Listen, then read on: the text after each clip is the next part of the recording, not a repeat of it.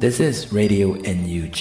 the voice of the National Unity Government of Myanmar, broadcasting for the Spring Revolution.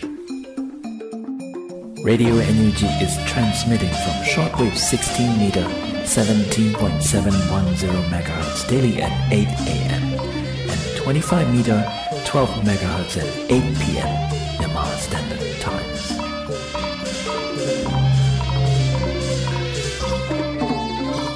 ဂလာပါခင်ဗျာအမျိုးသားညီညွတ်ရေးအစိုးရရဲ့အသံလွှင့်ဌာန Radio NUG ကိုမနေ့၈နာရီမှာ flight meter 16 meter 19.87 MHz ညဘက်မှာ flight meter 25 meter 12 MHz တို့မှာတိုက်ရိုက်ဖမ်းယူနားဆင်နိုင်ပါပြီမင်္ဂလာအပေါင်းနဲ့ပြည့်စုံကြပါစေခုချိန်ကစပြီး Radio NUG အစီအစဉ်လေးကိုတိုက်ရိုက်အသံလွှင့်ပေးနေပါပြီ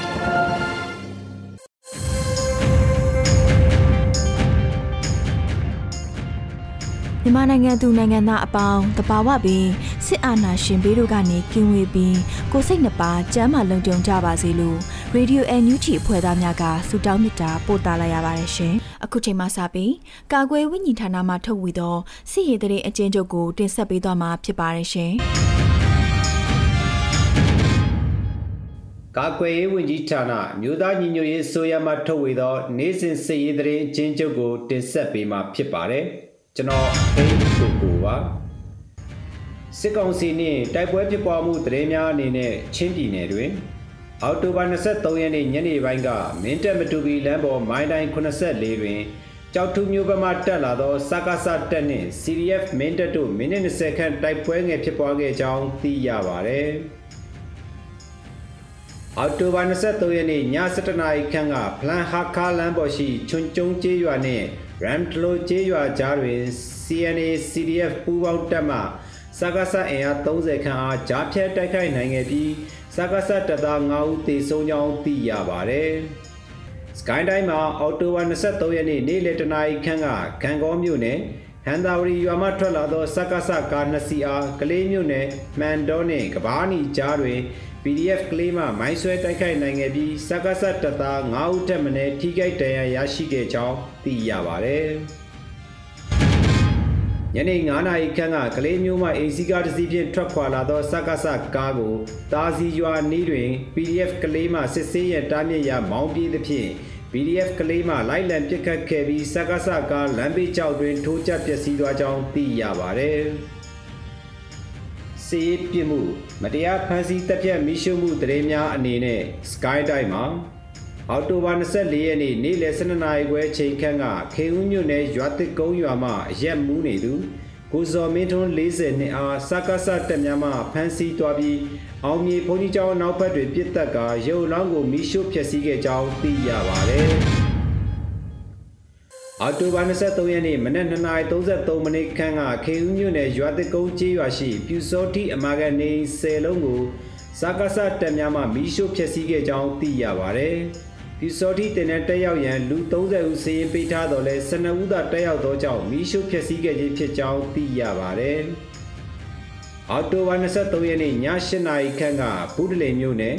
ချင်းတွင်မြေရှေ့ဘက်ကမ်းရှိရွှေစာရေးကျေးရွာသို့စကားဆတက်များရေချောင်းမှဝင်ရောက်လာပြီးရွာထဲသို့ရန်တမ်းပစ်ခတ်ခဲ့သဖြင့်ဒေသခံအပြစ်မဲ့ရွာသား၃ဦးသေဆုံးခဲ့ကြောင်းသိရပါတယ်။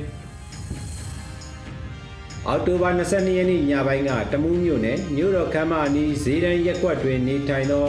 မြို့သားဒီမိုကရေစီဖွဲ့ချုပ်ပါတီအမာခံထောက်ခံသူဦးအားရှန်နေအားစကားဆမဝင်ရောက်ရှာဖွေစီးနှင်းရာ ဦးအားရှန်ကိုမတွေ့ရှိသောကြောင့်၎င်း၏တမီးဖြစ်သူနှင့်တစ်နှစ်သုံးလသားအရွယ်မြေးမလေးတို့အားဖမ်းဆီးခေါ်ဆောင်သွားကြောင်းသိရပါသည်။အကွေးတိုင်းမှာအော်တိုဘာ23ရက်နေ့ည6နာရီခန့်ကအောင်လံမြို့နယ်ရေပေါ်ရွာအပါအဝင်3ရွာကိုစက္ကစကအသေး2စီးဖောကား3စီးနှင့်စက္ကစအင်အား60မှဝင်ရောက်ပွေနောက်ပြီးရေပေါ်ရွာမှကြက်မွေးမြူသည့်ကိုဝင်းမင်းထိုက်နှင့် ရာကင်းထဲသို့ဆေးဖြဲရန်သွားသည့်ကိုတန်းထွန်းတို့ကိုရိုက်နှက်ဖမ်းဆီးသွားကြောင်းသိရပါသည်ရန်ကုန်တိုင်းမှာအော်တိုဘာ24ရက်နေ့မနက်3နာရီခွဲခန့်ကမြောက်တကုံမြို့နယ်ရှိပင်လုံအင်ယာတွင်စကားဆတက်များမှလက်နက်များအကြရဲ့အော်လန်များဖြင့်လိုက်လံအော်ဟစ်ခဲ့ပြီးပင်လုံအင်ယာဘက်နှင့်ပင်လုံစေးရုံဘက်သို့စက္ကစတက်များမှရန်တမ်းပစ်ခတ်သွားကြောင်းသိရပါတယ်။ ပစ်ခတ်မှုကြောင့်ပင်လုံစေးရုံတွင်ကြီးများထိမှန်ခဲ့ပြီးတက္ကစီတစ်စီးကိုပါထပ်မံပစ်ခတ်ခဲ့သောကြောင့်တက္ကစီနောက်ခန်းတွင်လိုက်ပါလာသည့်ခရီးသည်ပြည်သူတို့ဦးကောင်းကြည်စံထိမှန်ပြီးတေဆုံးခဲ့ကြောင်းသိရပါတယ်။ချင်းပြည်နယ်မှာအော်တိုဝါ24ရက်နေ့မနက်9:45မိနစ်ခန့်ကမတူပီမြို့နယ်ရေစွာမြို့အတွင်းသို့စက္ကဆတ်တပ်ဖွဲ့များမှလက်နက်ကြီးဖြင့်ပစ်ခတ်ရာ လူနေရက်ကွက်အတွင်းလက်နက်ကြီးကြီးကြားရောက်ခဲ့ပြီးမျိုးသမီးတူတန်ရာရကပြည်သူပိုင်လူနေသုံးလုံးမီးလောင်ခဲ့ကြောင်းသိရပါတယ်။ထွေထွေသတင်းများအနေနဲ့အောက်တိုဘာ24ရက်နေ့ရှန်ကယားနယ်ဆက်မိုးပြဲမြို့မှပြည်သူများတိုက်ပွဲချီနေကြောင်းနေအိမ်များကိုစုပ်ခွာပြီးဘေးကင်းရာသို့ပြောင်းရွှေ့နေရကြောင်းသိရပါတယ်။ရင်းနီပြည်နယ်လွိုက်ကော်ကျင်းထောင်တွင် ဖန်စီထိန်းသိမ်းခံရသောနိုင်ငံရေးကျင်းသားတချို့ကိုထောင်ဝင်စာလာရောက်တွေ့ဆုံမှုမရှိသဖြင့်စားတောက်ရန်အခက်အခဲရှိနေပြီးစေဝါကော်ဖီတကိုယ်ရည်သုံးဆောင်များစားစရာ၆ချမ်းများလိုအပ်နေကြောင်းသိရပါတယ်။အောက်တိုဘာ23ရက်နေ့ထိရေရာရှိမြို့နယ်တွင်အုပ်ချုပ်ရေးမှုဖြစ်မှနှုတ်ထွက်သူ14ဦးရှိခဲ့ပြီးပေါင်းတဲ့မြို့နယ်တွင်9ဦးနှုတ်ထွက်စာတင်ခဲ့ကြောင်းသိရပါတယ်။အခုသတင်းများကို မြေပြင်သတင်းတာဝန်ခံများနှင့်သတင်းဌာနများမှဖော်ပြလာသောချက်လက်များပေါ်အခြေခံပြီးပြုစုထားတာဖြစ်ပါတယ်။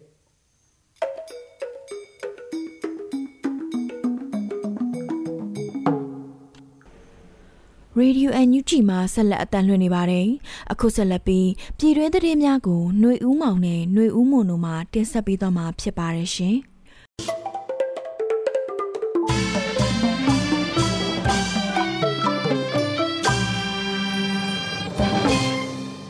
ယခုတင်ဆက်ပေးမယ့်အစီအစဉ်ကတော့အောက်တိုဘာ24ရက်နေ့ရပြည်တွင်းသတင်းများပဲဖြစ်ပါတယ်။ဒီအစီအစဉ်ကိုကျွန်တော်ຫນွေဦးမောင်နဲ့မတ်ຫນွေဦးမွန်တို့ကတင်ဆက်ပေးသွားမှာဖြစ်ပါတယ်ခင်ဗျာ။သတင်းကောင်းစင်တွေကတော့စစ်တပ်၏ရိုင်းနှက်မှုတန်ရာကြောင့်ပူတာအိုလူငယ်တအုပ်သိဆုံးသွားတဲ့တဲ့။ဝန်တိန်မှာ COVID-19 ပိုးတွေ့သောမြန်မာနိုင်ငံသားအချို့ကိုတရုတ်ဘက်ကညအချိန်ရိုက်နှက်ပြီးအတင်းပြန်ပို့ရန်စီစဉ်ခဲ့တဲ့တဲ့။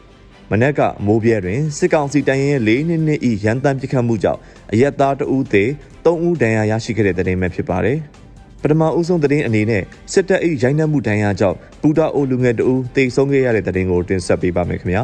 ။ဘူတာအိုမြို့နယ်ဇီးအွန်အုပ်စုအင်ရိုဘော့ကျေးရွာတွင်စစ်ကောင်စီတပ်သားတွေရဲ့ပြင်းထန်စွာရိုက်နှက်ခံခဲ့ရတဲ့လူငယ်တဦးမှာပြီးခဲ့တဲ့အောက်တိုဘာလ19ရက်နေ့ကသေဆုံးသွားကြောင်းသိရပါတယ်။ပြီးခဲ့တဲ့ဩဂုတ်လကုန်ပိုင်းက ဇီးအွန်နဲ့လမ်းတောင်ကျေးရွာနှစ်ခုကြားစစ်ကောင်စီတပ်ရဲ့စိုက်ပျိုးရေးတပ်စခန်းအနီးလမ်းမပေါ်တွင်ည9နာရီခန့်အချိန်အဆိုပါလူငယ်ဖြတ်လာခဲ့ရာတွင်တာဝန်ကျနေတဲ့စစ်ကောင်စီတပ်မှဗိုလ်ကြီးထက်အောင်အဖွဲ့ကပြင်းထန်စွာရိုက်နှက်ခဲ့တယ်လို့သိဆုံးသွားသောလူငယ်ရဲ့မိသားစုဝင်တွေကနေသိရပါတယ်။စစ်တပ်အဖွဲ့ကရိုက်နှက်လိုက်တော့သူ့ရဲ့အဆုတ်နာသွားတယ်။ညဆိုလဲအိတ်လို့မရဘူး။ချောင်းဆိုးပြီးသွေးပါတယ်။ပြီးရင်ခေါင်းကိုလည်းတနက်နဲ့ထုတယ်လို့ပြောပြတယ်။ခေါင်းတန်ရအတွင်းနာသွားတယ်။ ခေါင်းထိသွားတာကစိတ်ကူရင်လည်းမပြောက်ဘူး။သူဆုံးသွားတဲ့နေ့မှာလည်းခေါင်းထိုးကြိုက်ပြီးဆုံးသွားတာဟုတ်တယ်။အရင်တော့ကသူ့မှာဘာယောဂမှမရှိဘူးလို့ပြောပါတယ်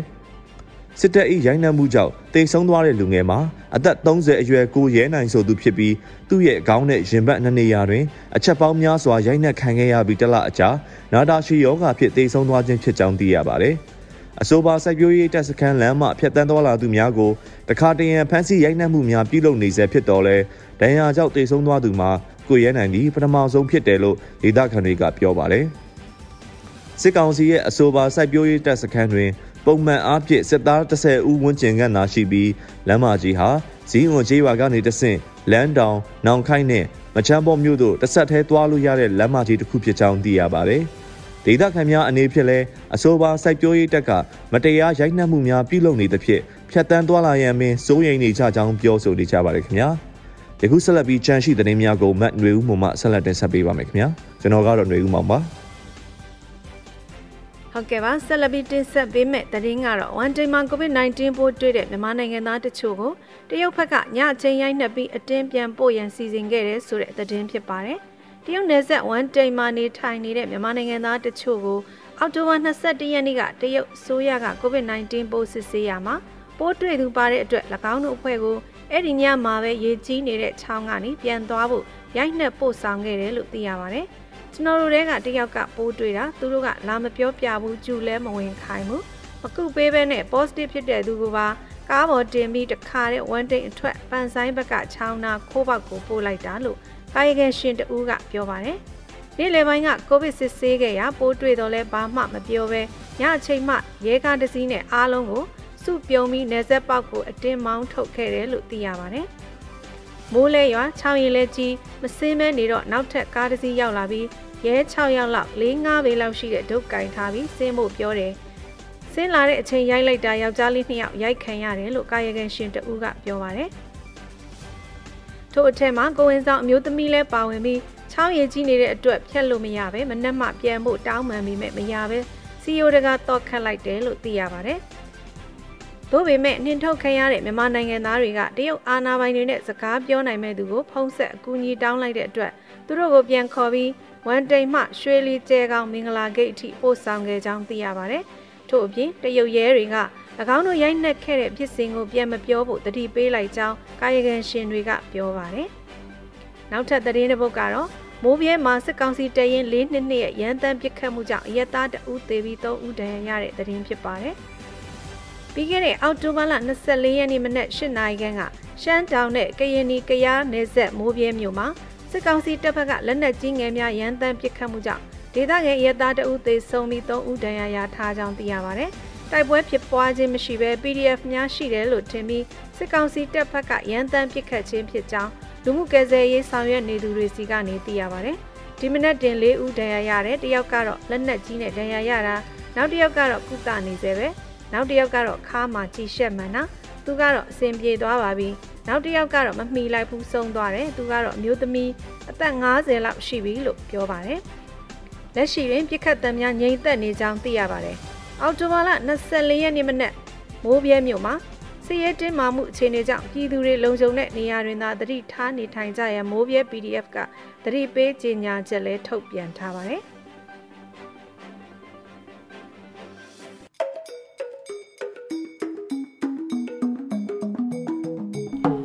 Radio NUG မှာဆက်လက်အသံလွှင့်နေပါတယ်ရှင်။အခုဆက်လက်ပြီးပြည်သူတိုက်ပွဲသတင်းများကိုပြည့်ຫນွေဦးမှတင်ဆက်ပေးမှာဖြစ်ပါတယ်ရှင်။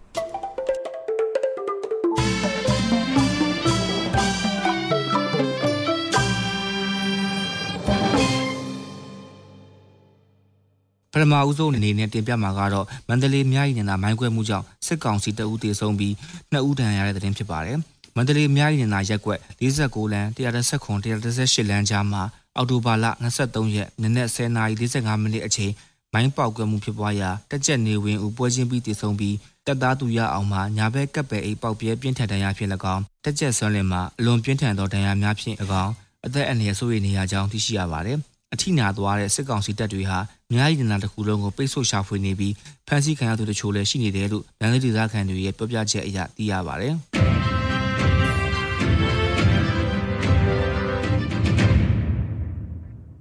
ဆက်လက်တင်ဆက်မှာကတော့ဂန်ကုန်းနယ်ကတက်လာတဲ့စစ်ကောင်စီကားကို PDF ကလေးမှမိုင်းခွဲတိုက်ခတ်ခဲ့တဲ့တဲ့တင်ဖြစ်ပါတယ်။အော်တိုဘာလ23ရက်နေ့ရက်2နာရီခန်းကဂန်ကုန်းမြို့နယ်ဟတာဝတီမှကလေးဘက်ကိုတက်လာတဲ့စစ်ကောင်စီရင်တန်းကို PDF ကလေးကမိုင်းခွဲတိုက်ခတ်ခဲ့တာကြောင့်ကားတစီးပျက်စီးပြီးစစ်ကောင်စီတပ်ဖွဲ့ဝင်9ဦးထက်မနည်းထိခိုက်ခဲ့တယ်လို့ PDF ကလေးမှသတင်းထုတ်ပြန်ထားပါတယ်။ဆက်လက်ပြီးကလေးဘက်ကတောင်ပိုင်းကိုဆင်းလာတဲ့စစ်ကောင်စီတပ်သားတွေပြင်ဆောင်လာတဲ့အင်စီကားတကြီးကို PDF ကလေးမှမတင်ကားလို့စစ်စစ်ချိန် ကားရက်မပေးဘဲဘောင်းပြေးတာကြောင့်လိုက်လိုက်ပြစ်ခတ်ခဲ့ရမှကြောက်ထဲကိုပြုတ်ကျခဲ့ပြီးစစ်ကောင်စီအဖွဲ့ဝင်တွေထိခိုက်ခဲ့တယ်လို့ဆိုပါတယ်။ PDF ကလေးအနေနဲ့ယခုအချိန်ကလေးကံခေါ်ကားလမ်းကိုပြည်သူတွေအုံပြုကြဖို့လည်းတတိပေးတိုက်တွန်းထားပါတယ်။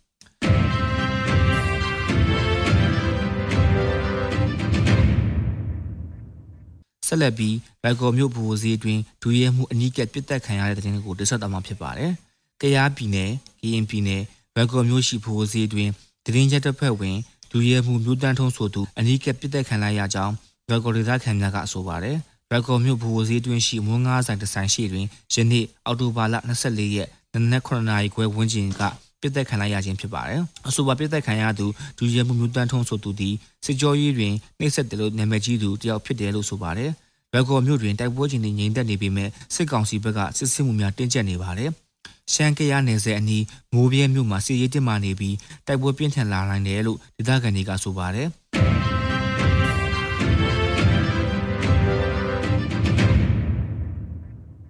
နောက်ဆုံးအနေနဲ့ မြို့သားညီညွတ်ရေးအစိုးရပြည်ထရေးနှင့်လူဝင်မှုကြီးကြပ်ရေးဝန်ကြီးဌာနကအောက်တိုဘာလ24ရက်ရက်စွဲနဲ့ထုတ်ပြန်တဲ့ပြည်သူ့ခုခံတော်လှန်ရေးစစ်တရင်တွေကိုလက်ဆက်သွားမှာဖြစ်ပါတယ်။အာဏာသိမ်းအကြမ်းဖက်စစ်အုပ်စု၏ပြည်သူလူထုအပေါ်အကြမ်းဖက်ဖိနှိပ်ဖန်ဆီးတိုက်ခိုက်တပ်ဖြတ်နေမှုများကိုပြည်သူလူထုတရလုံးမှအသက်ရှင်တန်ရေးအတွက်မိမိကိုယ်ကိုမိမိခုခံကာကွယ်ပိုင်ခွင့်အရာပြည်သူ့ခုခံစစ် People Defenses War ကိုဆင်နွှဲလျက်ရှိပါတယ်။ တရင်ချက်လက်များအရ23ရက်အောက်တိုဘာ2021ရက်နေ့တွင်ကျန်သူစီရေးပြမှတ်18နေရာအုပ်ချုပ်ရေးပြမှတ်24နေရာနှင့်စီးပွားပြမှတ်တနေရာတို့ကိုခုခံတိုက်ခိုက်နိုင်ခဲ့ပါတယ်။စစ်အာဏာရှင်စနစ်မြမမီပေါ်မှာအပိဒါချုပ်ငြိမ်းရေးနှင့် Federal Democracy တိဆောက်ရေးအတွက်ငြိမ်းချမ်းစွာဆန္ဒပြသည့်လူထုတပိတ်တိုက်ပွဲများကလည်းတန်ဒေသကြီးများတွင်ဖြစ်ပေါ်ပေါ်ပေါက်လျက်ရှိပါတယ်။ယခုတွေ့ရတဲ့သတင်းအချက်အလက်များထက်မြေပြင်မှာပို၍ဖြစ်ပွားနိုင်ပါတယ်ခင်ဗျာ။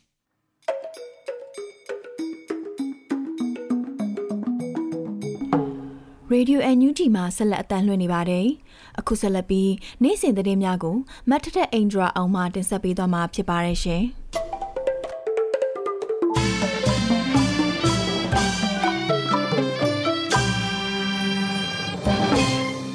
ဒရစ်ရှိုလာရဲ့ခီးစဉ်နဲ့ပတ်သက်လို့တွဲဆုံဆွေးနွေးမှုတွေကနေတဆင့်ထိရောက်တဲ့ရေးယူမှုတွေဖြစ်ပေါ်လာဖို့မျှော်လင့်ကြောင်း အမျိုးသားညီညွတ်ရေးအစိုးရနိုင်ငံခြားရေးဝန်ကြီးဌာနဒုတိယဝန်ကြီးဦးမိုးစောဦးကပြောကြားလိုက်တဲ့သတင်းကိုပထမအဆုံးတင်ဆက်ပေးခြင်းပါတယ်။အမေရိကန်နိုင်ငံသားရေးဝန်ကြီးဌာနအတိုင်ပင်ခံဒယ်ရစ်ရှလက်ဦးဆောင်တဲ့အမေရိကန်ထိပ်တန်းတန်တမန်ဖွဲ့ဟာမြမအရေးအပါအဝင်ဒေသရင်းမှာအမေရိကန်ရဲ့ဂတိကဝတ်တွေနဲ့ပတ်သက်လို့အနီးကပ်တွဲဆုံဖို့ထိုင်းစင်ကာပူနဲ့အင်ဒိုနီးရှားနိုင်ငံတွေကိုတွားရောက်လဲပတ်ခဲ့တာဖြစ်ပါတယ်။ ဒီခီးစဉ်ပြီးမှဆင်အနာရှင်ကအကြံဖက်နှိပ်ကွပ်မှုတွေဆက်လက်လှုပ်ဆောင်နေတဲ့အတွက်မြန်မာနိုင်ငံဒီမိုကရေစီလမ်းကြောင်းပေါ်ပြန်လည်ရောက်ရှိဖို့လူသားချင်းစာနာမှုအကူအညီတွေကိုအတားအဆီးမရှိခွင့်ပြုဖို့မတရားဖမ်းဆီးထားသူတွေကိုပြန်လွှတ်ပေးဖို့အကြမ်းဖက်နေမှုအလုံးရပ်တန့်ဖို့ဧပြီလအတွင်းမှာဆက်အနာရှင်ကိုတိုင်သဘောတူထားတဲ့အာဆီယံသဘောတူညီချက်9ရပ်ကိုအကောင့်ထဲပေါ်ဖို့အတွက်ဆက်အနာရှင်ကိုဖိအားပေးရမှာအမေရိကန်ပြည်ထောင်စုကနိုင်ငံတကာအတိုင်းအဝန်နဲ့လက်တွဲဆောင်ရွက်သွားမှာဖြစ်ပါတယ်။ ဒီသဘောတူညီချက်ထဲမှာ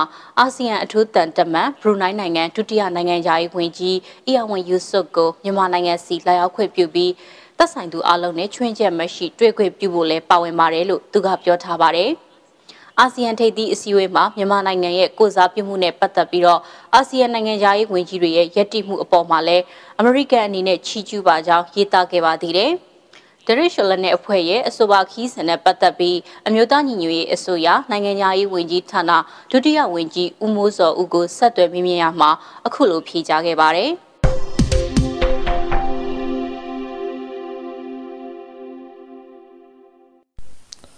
ဟုတ်ကဲ့အမေရိကန်ပြည်ထောင်စုရဲ့နိုင်ငံရေးဝန်ကြီးဌာနအထူးကြံပေးပုဂ္ဂိုလ် Derek Shonen နဲ့ဖွဲ့ပေါ့လေအဲသူတို့ဖွဲ့ကဒီအာဆီယံနိုင်ငံတွေကိုလာခဲ့တယ်အာဆီယံနိုင်ငံဆိုတဲ့နေရာမှာ အင်ဒိုနီးရှားရယ်စင်ကာပူရယ်ထိုင်းရယ်ပေါ့လေဒီနိုင်ငံ၃နိုင်ငံကိုလာထူတော်တော်ရည်လာခဲ့တယ်အဲအဲ့ဒီလိုလာတဲ့ခါမှာဒီ Derek Shonen နဲ့အတူဒါ State Department အမေရိကန်နိုင်ငံရေးဝန်ကြီးဌာနကအဲသူတွေလက်ပါတယ်နောက်တစ်ခါဒီနိုင်ငံတကာအကူအညီပေးရေးဖွဲ့ပေါ့ USAID ကတောင်းမရှိတဲ့သူတွေလည်းပါတယ်ဆိုပြီးတော့သိရတယ်ပေါ့လေအဲ့တော့သူတို့ရဲ့ခီးစဉ်နဲ့ပတ်သက်လို့ကြည့်တဲ့အခါကျတော့ဒါအင်ဒိုနီးရှားဆိုလို့ရှိရင်လည်းဒါအာဆီယံနိုင်ငံ ဒီမှာဘာပဲဖြစ်ဖြစ်မြန်မာအရေးကိုဥဆောင်ပြီးတော့ဆောင်ရွက်နေတဲ့နိုင်ငံလို့ပြောလို့ရတယ်အဲ့တော့ဒါအင်ဒိုနီးရှားနိုင်ငံကိုတွားရောက်ပြီးတော့ဒါတွေ့ဆုံဆွေးနွေးတယ်ဆိုတော့ကမြန်မာနိုင်ငံအရေးနဲ့ပတ်သက်ပြီးတော့ဒါနိုင်ငံရေးအရာပေါ့ဘာတွေဆောင်ရွက်လို့ရမလဲဒီအာဆီယံကဆုံးဖြတ်ထားတဲ့အချက်၅ချက်ပါတဲ့ဆုံးဖြတ်ချက်ပေါ့လေသဘောတူညီချက်ဒါကိုအကောင့်ထဲပေါ်တဲ့အခါမှာဒီအမေရိကန်ပြည်ထောင်စုအနေနဲ့လည်းဘာတွေဘလို့ပူးပေါင်းဆောင်ရွက်ရမလဲဆိုတဲ့ကိစ္စတွေကိုဒါဆွေးနွေးခဲ့တယ်လို့သိရတယ်ပေါ့လေ နောက်တစ်ခုကစင်ကာပူနိုင်ငံစင်ကာပူနိုင်ငံကိုသွားတဲ့ရွေချက်ကတော့ကျွန်တော်တို့သိရတဲ့လောက်ကတော့စင်ကာပူနိုင်ငံဆိုတာဒါစစ်ကောင်စီရဲ့ငွေကြေးနဲ့ပတ်သက်ပြီးတော့ဗန်နိုင်နဲ့ပတ်သက်ပြီးတော့ဒါဒီစင်ကာပူနိုင်ငံကတဆင့်ပေါ့လေအဲဒီငွေကြေးစီးဆင်းမှုတွေရှိနေတာတွေကိုကျွန်တော်သိပါတယ်အဲ့တော့ဒါနဲ့ပတ်သက်ပြီးတော့ဒီစစ်ကောင်စီကိုငွေကြေးစီးဆင်းမှုတွေဖြတ်တောက်ဖို့အရေးယူဖို့ကိစ္စတွေနဲ့ပတ်သက်ရင်ဒါစင်ကာပူနိုင်ငံကတော်တော်လေးအရေးပါတဲ့နိုင်ငံတစ်ခုဖြစ်တဲ့အတွက်ကြောင့်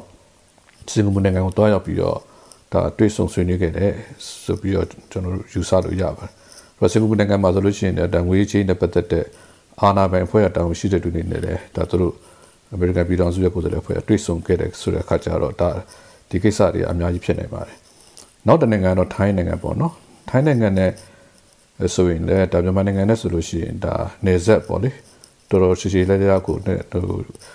နေဆက်ချင်းကရဲ့နိုင်ငံတစ်ခုဖြစ်တဲ့ခါကျတော့ ဒီနေဆက်ကိုဖြတ်ကျော်ပြီးတော့ဒါမြန်မာပြည်တွင်းမှာရှိတဲ့ပြည်သူလူထုပေါ့အထူးသဖြင့်တိုင်းသားလူမျိုးတွေနေထိုင်တဲ့ဒေသတွေဒီဒေသတွေအကူအညီပေးဖို့ကိစ္စတွေလူသားချင်းစာနာမှုအကူအညီစတဲ့ပေါ့လေအကူအညီပေးဖို့ကိစ္စတွေကိုဆွေးနွေးတယ်လို့သိရတယ်ပေါ့လေအဲ့တော့ဘာပဲဖြစ်ဖြစ်ကဒီအခုမစ္စတာဒက်ရက်ရှော့လက်ကခရီးစဉ်ကဒါမြန်မာပြည်အရေးနဲ့ပတ်သက်ပြီးတော့အဓိကထားပြီးတော့ဒါဆွေးနွေးညှိနှိုင်းဖို့လာရောက်တယ်လို့သိရတယ် အဲ့ဒီလိုလာရောက်တဲ့အခါမှာလည်းနိုင်ငံရေးရဖြစ်စေဒါဗန်နာရေးရအရေးဖို့ကိစ္စနဲ့ပတ်သက်လို့ဖြစ်စေနေသက်ဖြတ်ကျော်အကူအညီပေးဖို့လိုအပ်တဲ့ကိစ္စတွေကိုညှိနှိုင်းဖို့ဖြစ်စေဒီကိစ္စတွေကိုဆွေးနွေးခဲ့တယ်လို့သိရတဲ့ကြောင့်ကျွန်တော်တို့တိုင်းပြည်အတွက်အများကြီးအကျိုးရှိမယ်လို့ယူဆပါတယ်အဲ့တော့ဒီ American ပြည်ထောင်စုအနေနဲ့လည်းဒီ ASEAN နိုင်ငံတွေနဲ့ဆက်ဆံတဲ့အခါမှာဒါမြန်မာနိုင်ငံရဲ့အရေးဟာ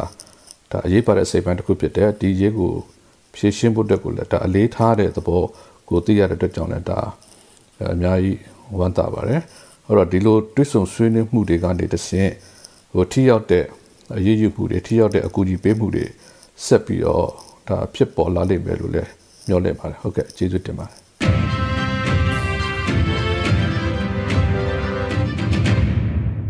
အခုဆက်လက်ပြီးတော့ပင်လုံစေယုံနဲ့ပင်လုံအိမ်ယာကိုအကြမ်းဖက်စစ်ကောင်စီတပ်တွေကတပ်နှက်နဲ့ရန်တမ်းပစ်ခတ်တာကြောင့်ပြည်သူတအုပ်တေဆုံးခဲ့တဲ့တဲ့တင်ကိုတင်ဆက်ပေးကြပါမယ်။တကုံမျိုးတင်မြောက်ပိုင်းအတွင်းမှာရှိတဲ့ပင်လုံစေယုံနဲ့ပင်လုံအိမ်ယာကိုစစ်ကောင်စီတပ်တွေကမနက်လင်းအားကြီး3နာရီခန့်လောက်ကလက်နက်အပ်ဖို့အတွက်အော်လန်နဲ့အော်ရင်တနက်နဲ့ရန်ပစ်မှုတွေလုပ်ခဲ့တာကြောင့်ပြည်သူတအုပ်တေဆုံးခဲ့ပါတယ်။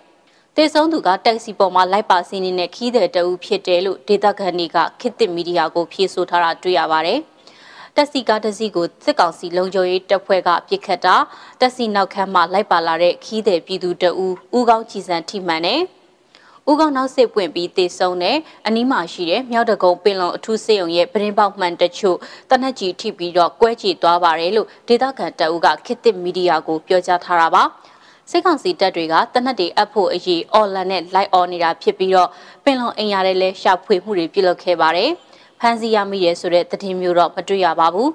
အရင်နေ့တွေကရန်ကုန်မြို့ဗိုလ်တထောင်မြို့နယ်ပန်နူလာတဒါအစင်းမှာပြစ်ခတ်မှုဖြစ်ပွားပြီးတော့စစ်ကောင်စီတပ်ဖွဲ့ဝင်၄ဦးသေဆုံးခဲ့တယ်လို့ကြည်မြင့်တိုင်းဘာကရမိပွားမှာပြစ်ခတ်မှုဖြစ်ပွားခဲ့ပြီးတဦးသေဆုံးတဦးဒဏ်ရာရခဲ့ပါတယ်။ ဒီပြစ်ခတ်မှုတွေရဲ့ရုပ်သံဖိုင်တွေဟာ Facebook ပေါ်ကိုပြန့်နှံ့သွားခဲ့ပြီးတဲ့နောက်ရန်ကုန်မြို့အတွင်းစစ်ကောင်စီအဖွဲ့တွေစစ်ဆေးမှုတိုးမြင့်လှုပ်ဆောင်နေတာလည်းဖြစ်ပါတယ်။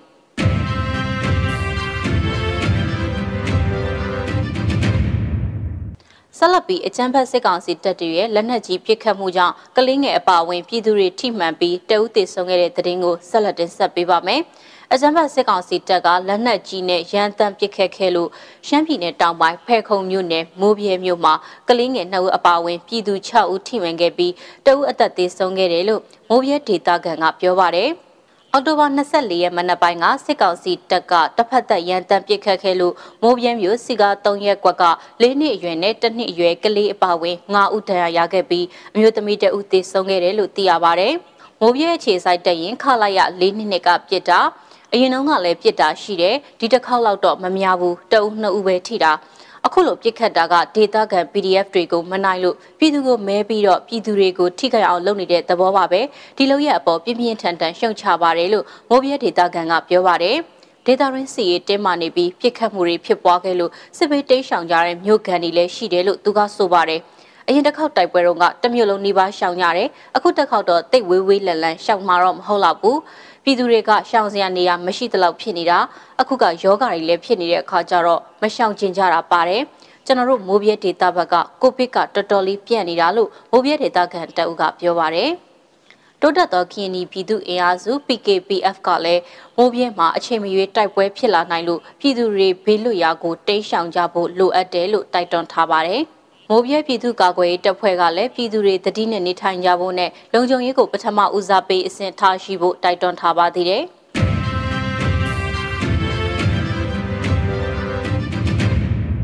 ဆက်လက်ပြီးအကြံဖက်စစ်ကောင်စီကအာဆီယံရဲ့မြန်မာနိုင်ငံဆိုင်ရာအထူးတန်တမန်ကိုရွေးကောက်ခံအမျိုးသားညီညွတ်ရေးအစိုးရနဲ့ဒီမိုကရေစီလိုလားတဲ့အုပ်စုတွေနဲ့မဆက်ဆံဖို့တတိပေးခဲ့တယ်လို့အာရဝန်ကအစီရင်ခံစာရဲထည့်သွင်းရေးသားခဲ့တဲ့သတင်းကိုတင်ဆက်ပေးကြပါမယ်။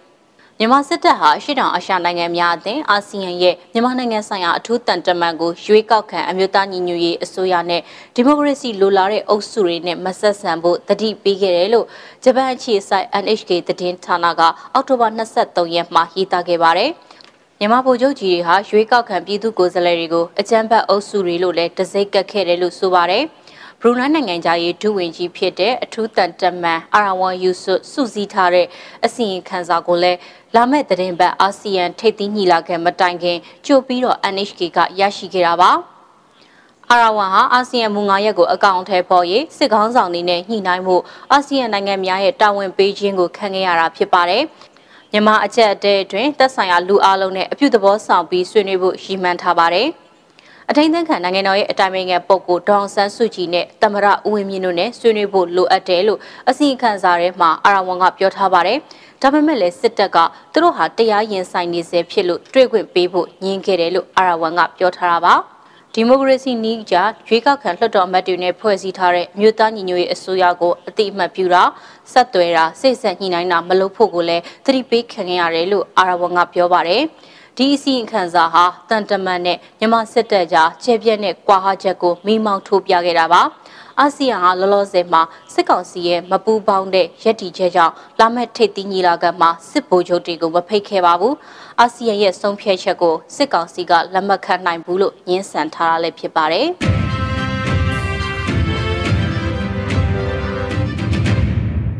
အခုနောက်ဆုံးအနေနဲ့မြန်မာနိုင်ငံတဝန်းနဲ့ကမ္ဘာအနှံ့ကလူမျိုးပေါင်းစုံဘာသာပေါင်းစုံပါဝင်တဲ့ဆရာနာရှင်အမြင့်ပြည့်ချေမုံရေးလူလူဆန္ဒပြပွဲသတင်းတွေကိုစုစည်းတင်ဆက်ပြီးတော့မှာပါ။ စကိုင်းတိုင်းရွှေဘုံမြို့နယ်ကြေးရွာတရွာကတော်လှန်ပြည်သူတွေဟာတိုင်းရင်းသားတပ်တွေတိုက်ပွဲတိုင်းမှာနိုင်ပါစေမတရားမှုမှန်သမျှစန့်ကျင်ကြဆိုပြီးကြွေးကြော်ချီတက်ဆန္ဒပြခဲ့ပါတယ်။စကိုင်းတိုင်းစာလင်းကြီးမြောက်ချမ်းနဲ့ရင်းမပင်အရှိချမ်းကြီးရွာပေါင်းဆောင်တပိတ်စစ်ကြောင်းကပြည်သူတွေဟာလူလူတာဗရာနာမို့လူလူတရက်လုံးရုံထတော်လန်စုဆိုတဲ့စာတန်းကိုင်ဆောင်ပြီးဆရာနာရှင်အမြင့်ပြည့်ချေမုံရေး228အမြောင်တွေအဖြစ်ကြီးရွာတွင်ချီတက်ဆန္ဒပြခဲ့ပါတယ်။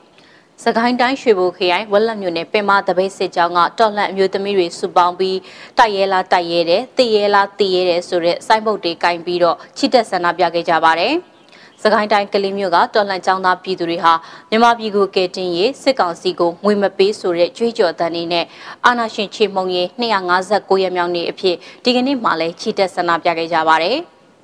အင်တာနက်ဖြတ်တောက်ခံထားတာနှစ်လကျော်ကြာမြင့်ပြီဖြစ်တဲ့ကချင်ပြည်နယ်ဖကတ်မြို့ကတိုင်းသားလူမျိုးပေါင်းစုံပေမတပိတ်စစ်ကြောင်းကတော်လှန်အမျိုးသမီးတွေဟာ KIA နဲ့ PDF တိုက်ပွဲတိုင်းမှာနိုင်ပါစေ။ပြည်သူတွေကိုကာကွယ်နေ KIA ဆိုပြီးတော့ကြွေးကြော်တန်းနဲ့ချီတက်ဆန္ဒပြခဲ့ပါတယ်။ နိုင်ငံတကာဆန္ဒပြပွဲအနေနဲ့ကတော့ American ပြည်ထောင်စုနယူးယောက်မြို့မှာ American ရောက်မြန်မာတွေစုဝေးကြပြီးမင်းအောင်လှိုင်ဦးဆောင်နေတဲ့စစ်ကောင်စီထံစီစဉ်နေတဲ့သွေးစွန်းငွေဖျက်တောက်ဖို့နဲ့မတရားဖမ်းဆီးထိသိမ်းခံနေရတဲ့နိုင်ငံတော်သမ္မတနိုင်ငံတော်အတိုင်ပင်ခံပုဂ္ဂိုလ်ပါဝင်နိုင်ငံရေးအကျဉ်းသားတွေအလုံးပြန်လည်လွတ်မြောက်ရေးအတွက်ချီတက်ဆန္ဒပြခဲ့ကြပါတယ်။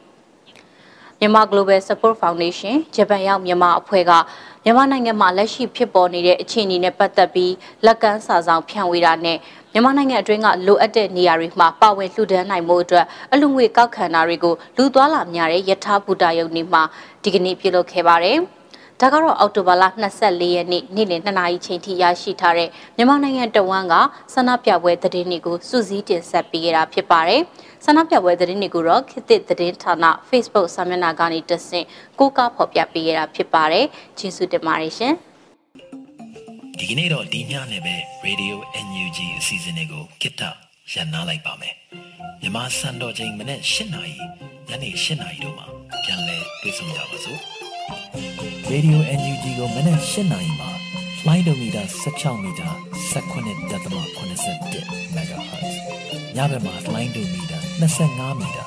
12 MHz တို့မှာတိုက်ရိုက်ဖမ်းယူနားဆင်နိုင်ပါပြီ။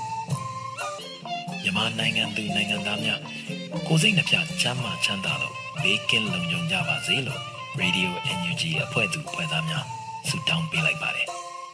မျိုးသားညီညွတ်ရေးအစိုးရရဲ့ဆက်သွယ်ရေးသတင်းအချက်အလက်နဲ့ဤပညာဝန်ကြီးဌာနကထုတ်လွှင့်နေတဲ့ Radio NUG ဖြစ်ပါတယ်။ San Francisco Bay Area ခြေဆိုင်မြန်မာမိသားစုများနဲ့နိုင်ငံတကာကစေတနာရှင်များလုံအားပေးများရဲ့ Radio NUG ဖြစ်ပါတယ်။အရေးတော်ပုံ